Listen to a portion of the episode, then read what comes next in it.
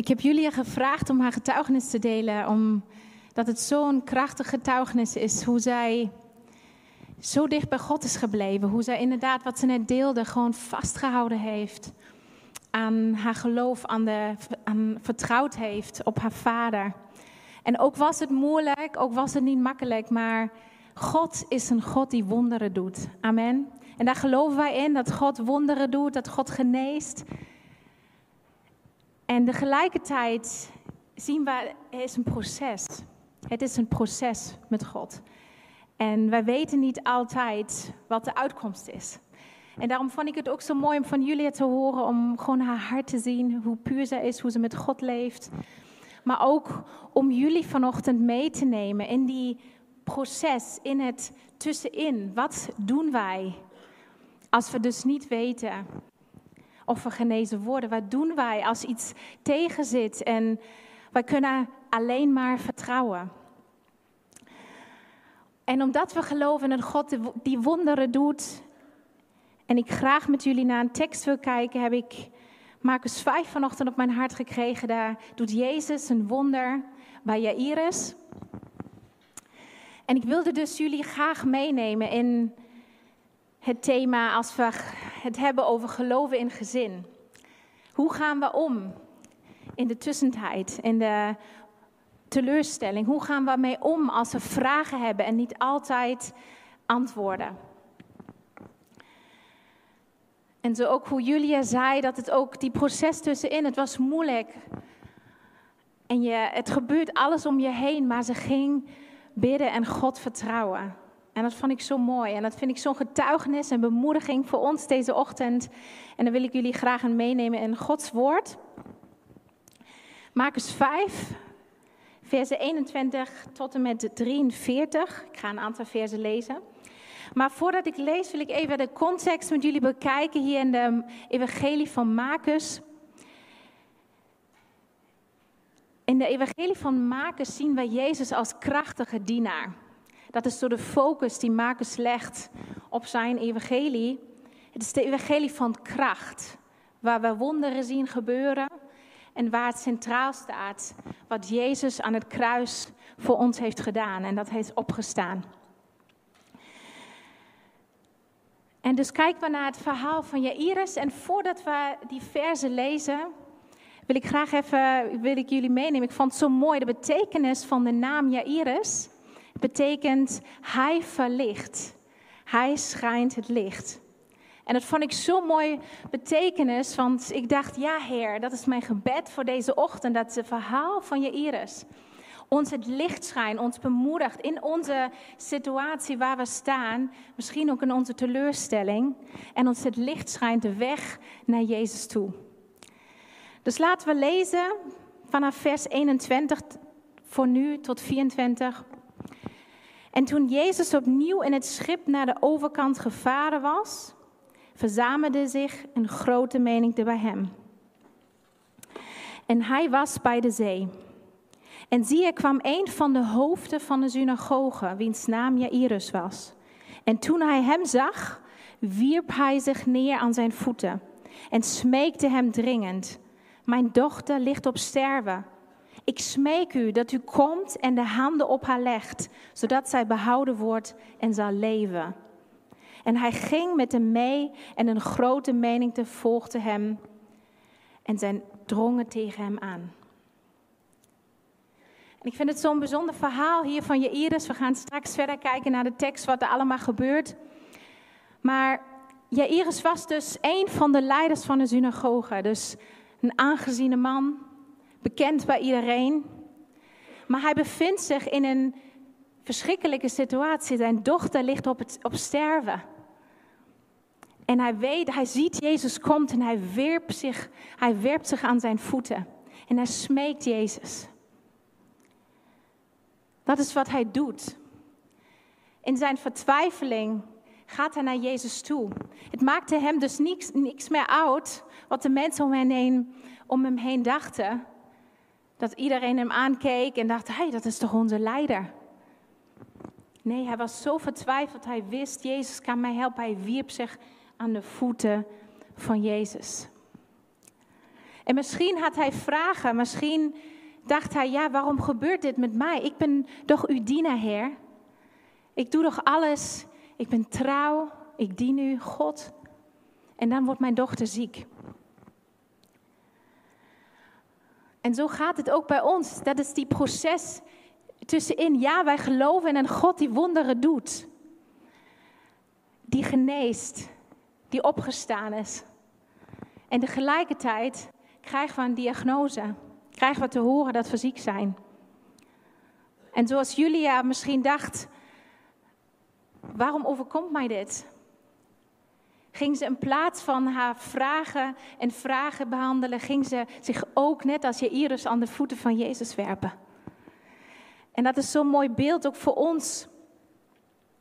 Wat wij mogen doen, dat wij in onze vertwijfeling, in onze vragen misschien waarom dingen gaan gebeuren, dat we ons aan Jezus voeten werpen.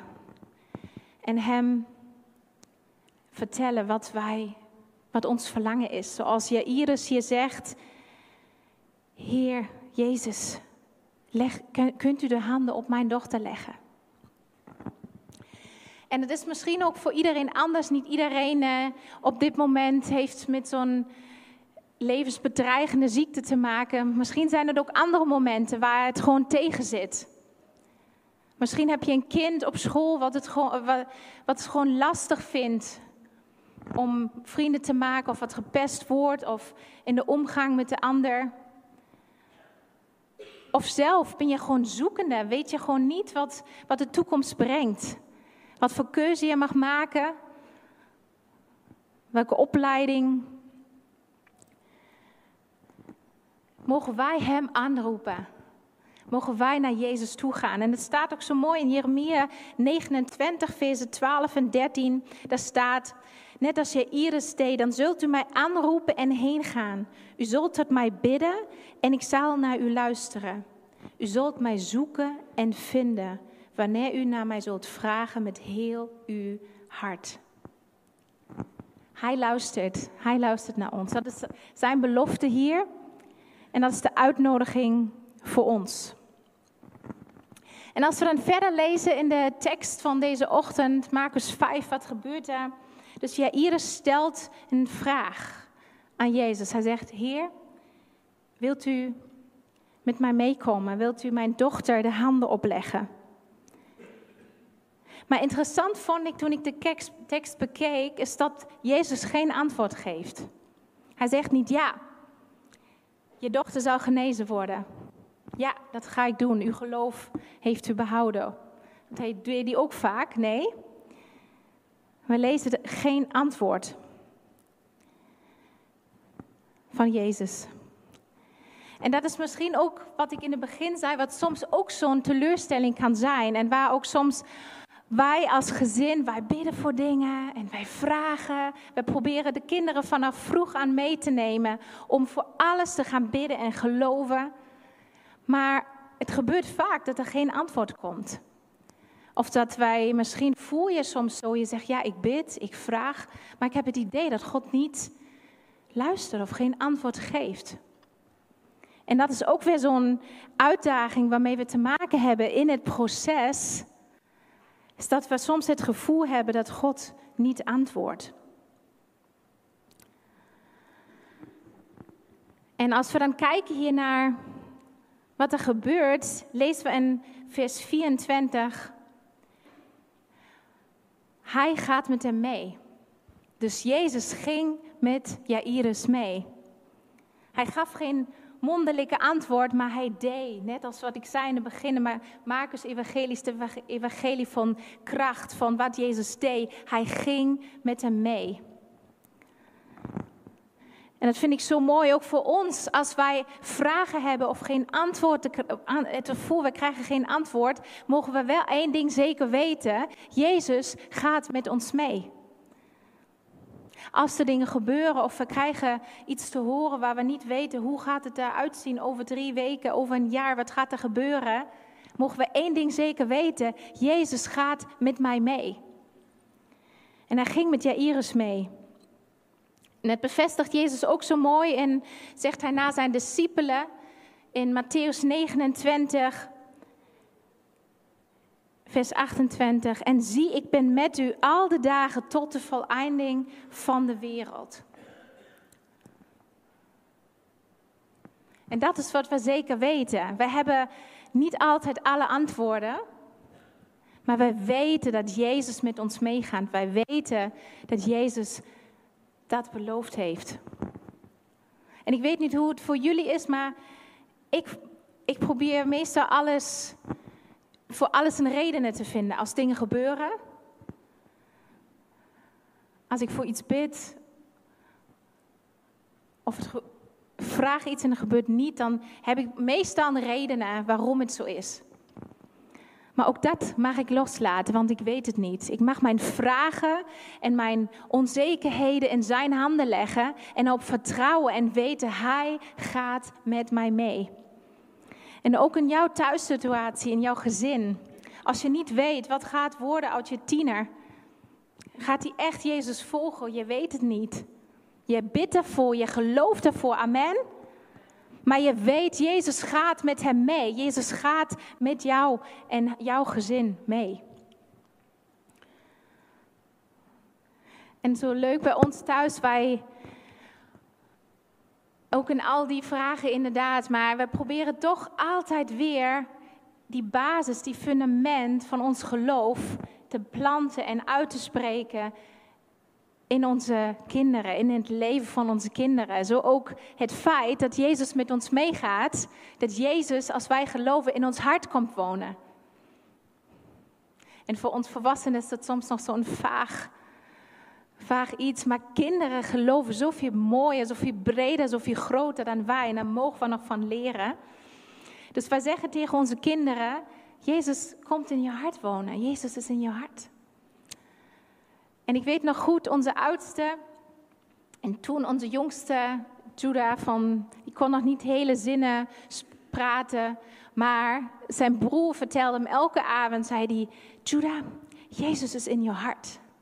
En als je bang bent, dan kan je bidden, want Jezus is in je hart. En ik weet nog goed, een paar weken later was onze dochter, dus zijn grote zus, boven in haar kamer, s'avonds aan het huilen en boos. Ik weet niet meer wat er aan de hand was. En ik, ineens roept Judah vanuit zijn bed, ja ja, dus Jael, ja ja, Jezus hart. Dus hij begreep het concept dat als je verdrietig bent, als je boos bent, als je niet weet wat je moet doen, mag je weten, Jezus is bij jou. Jezus is in jouw hart. Ik vond het zo'n leuk voorbeeld dat we als ouders echt die geloofsfundament en alles wat wij, wat wij met God leren, dat mogen we doorgeven aan onze kinderen. Want ze begrijpen veel meer dan wat wij denken. En zij leven het uit zonder bang te zijn om fouten te maken.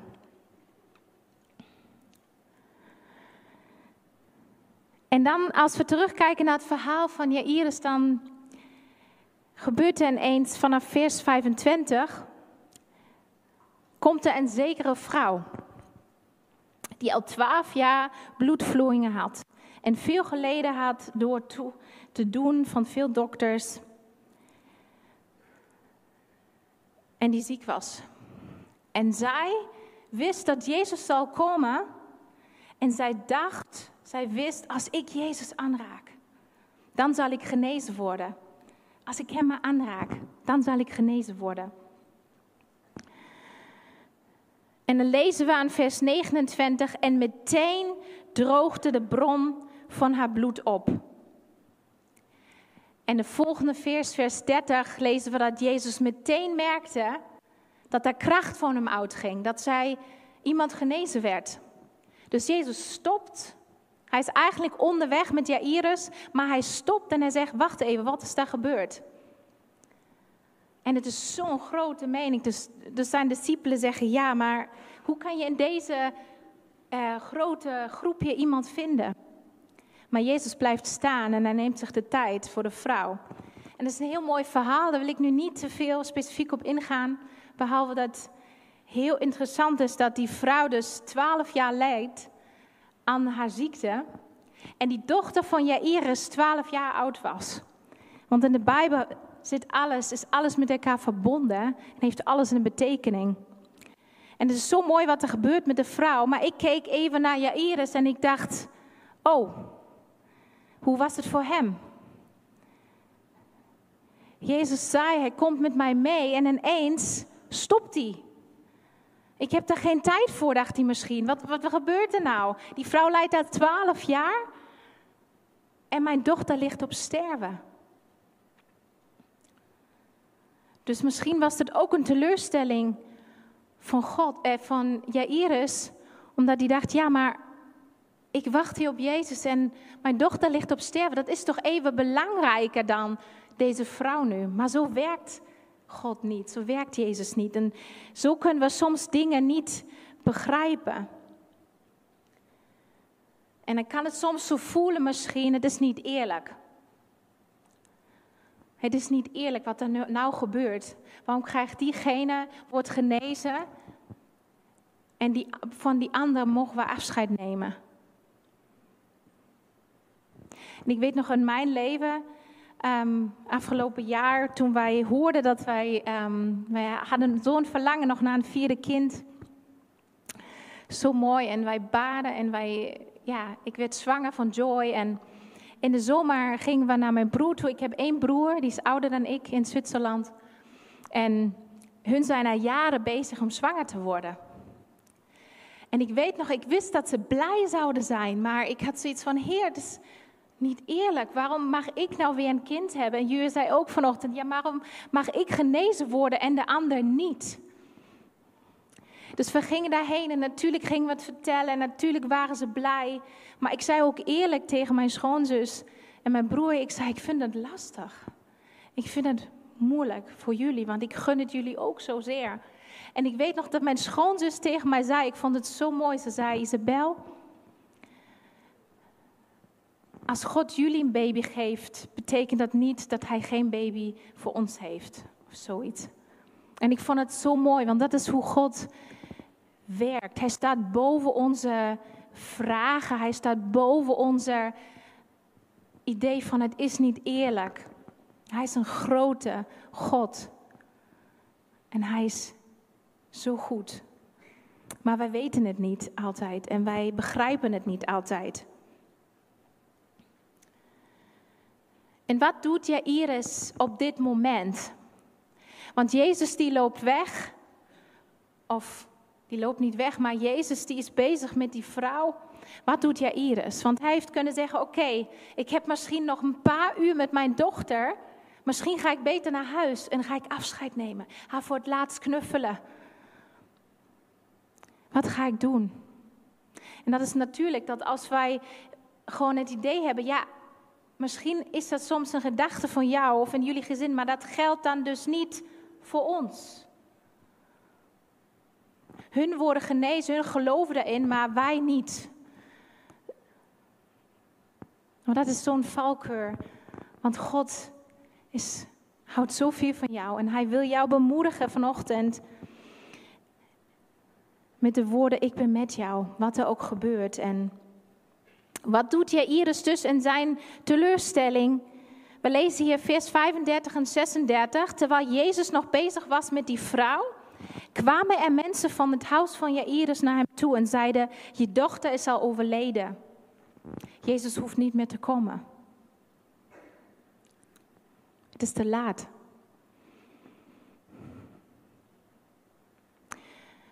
En ik heb echt de indruk dat er misschien mensen zijn vanochtend of die meekijken die het idee hebben, het is te laat.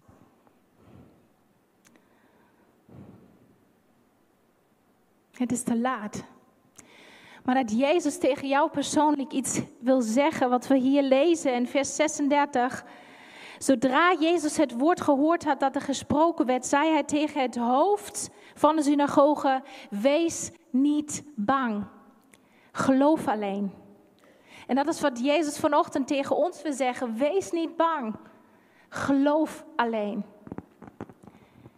En hier, als we goed kijken naar deze versen, zien we ook wat Jairus dus deed.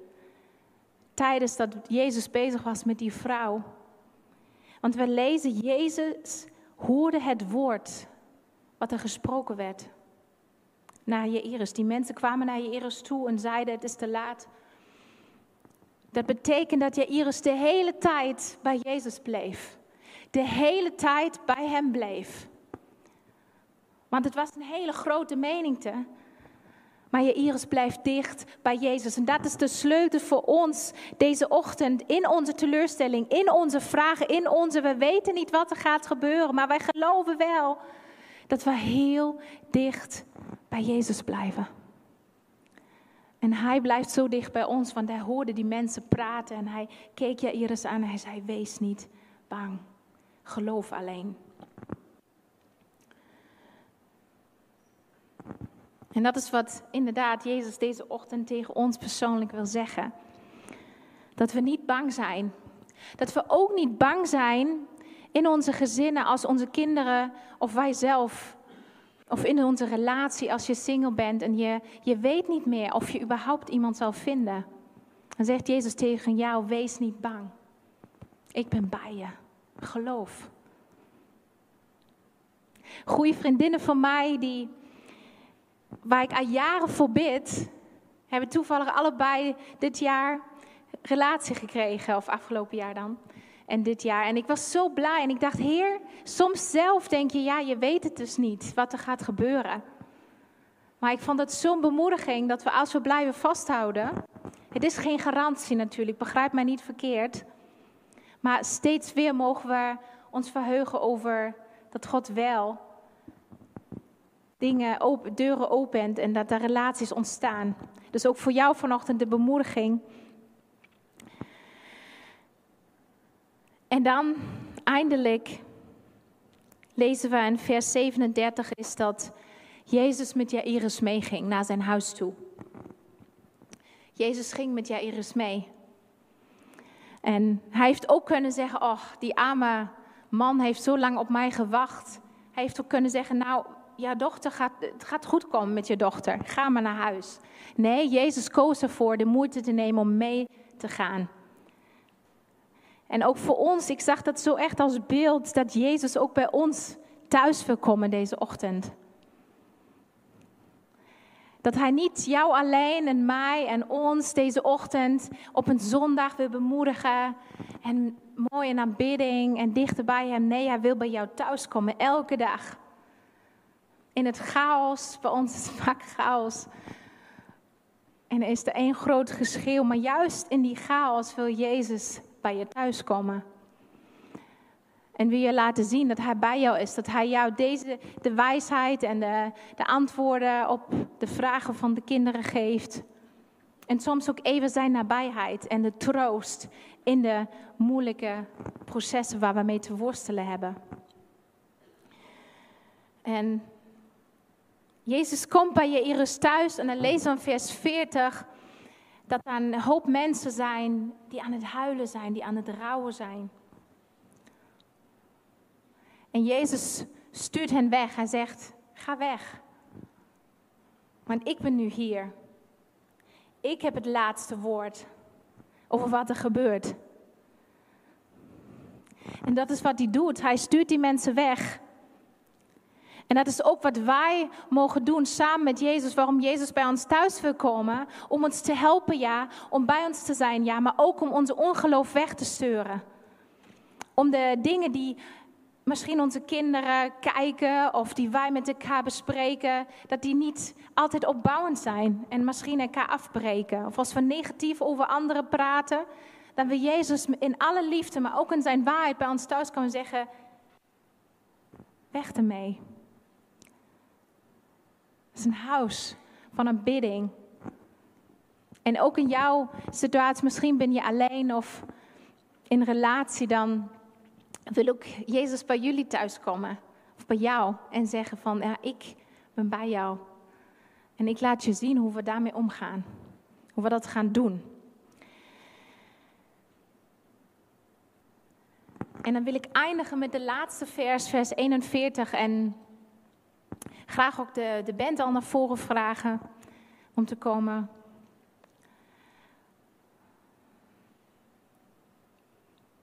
Want eindelijk gaat Jezus de proces is geweest en Jezus gaat bij de bed van de meisje zitten, van de dochter van Jairus.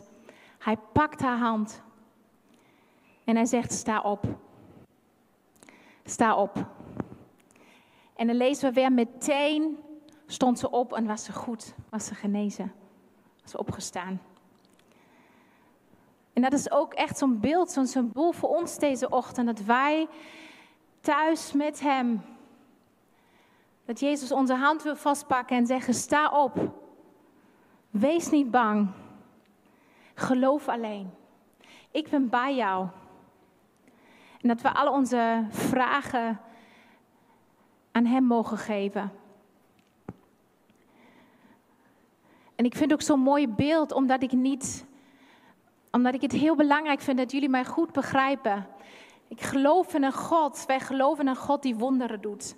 Amen. En tegelijkertijd is het een proces en weten we niet altijd wat er gebeurt en weten we niet of er een genezing komt of niet. En zoals je Iris hier naar Jezus toe ging en verwacht had dat Jezus zijn dochter zou genezen, was ze overlijden. Maar uiteindelijk stond ze op. Dus van, in plaats van een genezing kreeg je Iris een opstanding. En dat is de belofte, belofte, lieve mensen, die wij hebben. Wij weten niet wat de uitkomst is. Wij geloven. We zijn niet bang. Wij geloven. Maar één ding weten we zeker: dat we gaan opstaan. Dat we gaan opstaan met Hem. Dat we gaan opstaan met Hem en voor, in alle eeuwigheid met Hem gaan leven. En ik moest ook zo denken in de aanbidding aan de zin van dat Jezus zegt: In deze wereld zullen jullie moeilijk te verduren hebben, maar ik heb deze wereld overwonnen. Het is moeilijk en we krijgen dingen te horen en er is oorlog en wat niet allemaal. Maar Jezus heeft deze wereld overwonnen. En er staat een openbaring, in de hemel zullen onze tranen gedroogd worden. Dus wij mogen weten, zeker weten, dat we met Hem gaan opstaan. Dat we met Hem gaan opstaan. En we mogen vasthouden en bidden en verwachten dat God het goede heeft voor onze gezinnen, voor ieder van jullie. En ik mag overmorgen naar Zwitserland gaan en voor het eerst mijn neef knuffelen. Aan het begin van het jaar hoorden wij dat mijn broer en mijn schoonzus dat ze een baby verwachten. En dat is voor mij zo'n mooi beeld. Niet dat het een garantie is, maar dat wij altijd mogen blijven bidden en geloven en verwachten. Maar ook in die moeilijkheden, ook in die vragen, ook in die open einden die we gewoon niet weten, mogen vasthouden en weten, Jezus is bij ons. En hij heeft beloofd dat we met hem mogen opstaan. Ja, ik wil even bidden en jullie vragen als het mogelijk is om op te staan. Zoals beeld, ook voor deze tekst.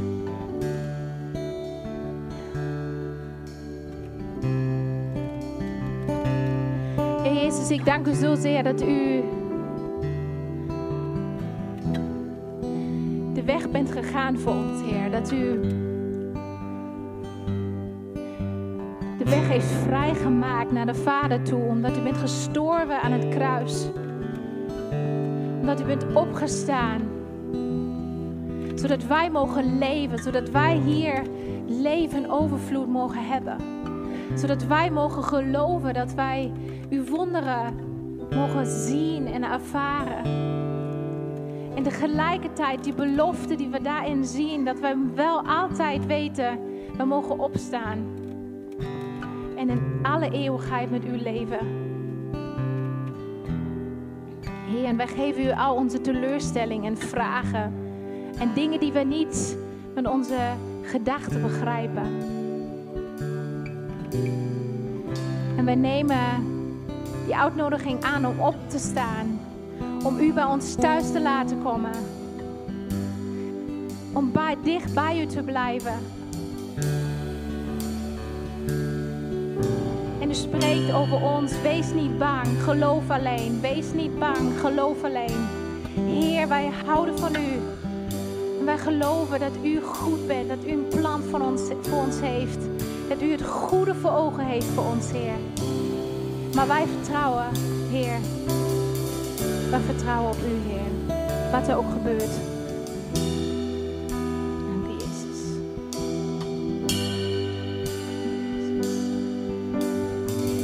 En ik nodig je zo uit om komende even een paar minuten tijd te nemen om je persoonlijk gebed uit te spreken. Die dingen waar je misschien mee worstelt en zit. Of die dingen misschien, misschien waarover thuis niet gepraat wordt. Dat je die bespreekt, die teleurstelling aan Jezus geeft. En opnieuw die uitnodiging aannemen om op te staan. In jouw relaties, in jouw gezin, in je huwelijk, met je kinderen. Om dicht bij Hem te blijven en te geloven dat Hij het goede heeft. Dat Hij het goede heeft.